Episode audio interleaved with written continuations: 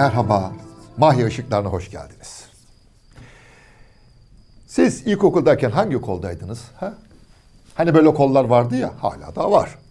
Sağlık kolu, Kızılay kolu, Gezi Gözlem kolu, Meteoroloji kolu. Ha? Efendim? Ha spor kolundaydınız. Spor kolu, evet o da vardı. Ha? Efendim? Ha kütüphane kolu, kütüphane kolu. Benim her yıl katıldığım bir kol vardı. Öğretmen sorardı önce. Kimler gönüllü olarak girmek istiyor? Bir tek ben parmak kaldırırdım. Bir tek ben. Hayır hayır kütüphanecilik kolu değil. Hayır hayır. Harita kolu. Evet efendim o bendim. Gönüllü olarak. Harita kolu. Zaten tek gönüllü de bendim sınıfta. Harita koluydum ben. Hı? Çok ya yapmayın. Çok önemli bir koldu harita kolu. Öyle demeyin lütfen. Sosyal bilgiler dersinden önce öğretmenler odasına gidip konuyla ilgili haritayı alıp getirip sınıftaki kara tahtaya asan ve ders bittiğinde geri götüren bendim. Çok önemlidir bir okulda sınıfa harita yazmak. Hmm. Bunu neden mi anlatıyorum? Bu Ramazan gecesinde çok güzel bir insanımızı yad etmek için. Selim Sabit Efendi. Selim Sabit Efendi Sultan Abdülmecit döneminde 1850'ler Paris'te matematik eğitim almaktadır. Ama eğitim alırken Selim Sabit Efendi aynı zamanda Paris'teki Türklere de ders vermektedir. Yani oradaki e, ne bileyim hariciyecide görevli, oraya gitmiş olan e, insanlarımızın çocukları okuldan geri kalmasın diye ders de veriyor. Ve geri döndüğünde Selim Sabit Efendi okullara ilk kez sırayı getiriyor. Çünkü Paris'teyken bakıyor ya buradaki çocuklar düzgün bir şekilde oturarak sıralarda ders dinliyor. Bizim çocuklarımız yerlerde bizim çocuklarımızın da sağlıklı anatomisi bozulmayacak bir şekilde ders dinleme hakkı yok mu? Okullara ilk kez sıraları getirden odur. Ama yenilik karşıtları buna karşı çıkıyor elbette. Haritalar. Evet.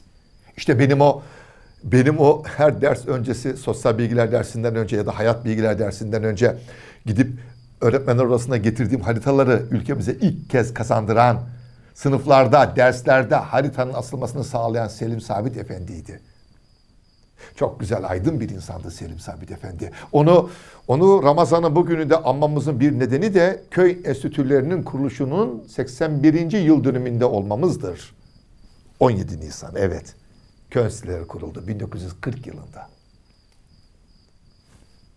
Sevgili hocam Cemal Süreyya Kars adlı şiirinde ne der? Kars çocukların da Kars'ı. Çok güzel söylüyor Cemal Süreyya. Kars çocukların da Kars'ı. Ve ben Cilavuz Köy Enstitüsü ile ilgili bir kitapta müthiş bir hatıra okumuştum. Rıfat Yıldırım'ın anlattıklarıydı. Rıfat Yıldırım Köy Enstitüsü mezunu. Cilavuz'dan mezun. Diyor ki Ramazan ayının 14. günüydü. Kalkıp dayımın oğlu Yahya ile birlikte Cilavuz Köy Enstitüsü'ne gitmiştik. Kar altındaydı her yer. Kar değil mi? Ve çocuk. Kızaklarla gidiyorlar. Özelliği şu, ikisi de annesini kaybetmiş. İki çocuk da annesiz, ikisi de yetim. Her iki çocuğun da annesi koleradan ölmüş ve köy enstitüsüne gidiyorlar. Kars denilince, hele kar denilince benim aklıma hep o köy enstitüsüne bilginin ışığını almak için yürüyen o iki güzel çocuk gelir. Hadi gidelim sıcak mevsimlere, Mersin'e, Toroslara, Mersin'in Arslan Köyü. Tahir Ağa, Arslan Köyü'nün muhtarı. Tahir Bey, üç kardeşini de Birinci Savaşı'nda kaybetmiş. Ve duyuyor ki köy enstitüleri açıldı. Oğlu Osman'a şunu söylüyor. Oğlum git oku. Git oku. Asıl savaş bilgiyi avuçların arasına alma savaşıdır. Köyün birkaç çocuğuyla beraber onları Diyarbakır'a Dicle Köy Enstitüsü'ne gönderiyor. Bakın Toroslar neresi? Diyarbakır neresi? İlk gün Osman adlı çocuk diziyorlar bütün çocukları. Osman da orada diyor ki orada bir öğretmen. Hadi çocuklar depoya gidin ayakkabılarınızı alın. Çünkü hepsi yalın ayak. Yalın ayak gitmişler. Hiçbirinin ayakkabısı yok. Osman koşarak gidiyor.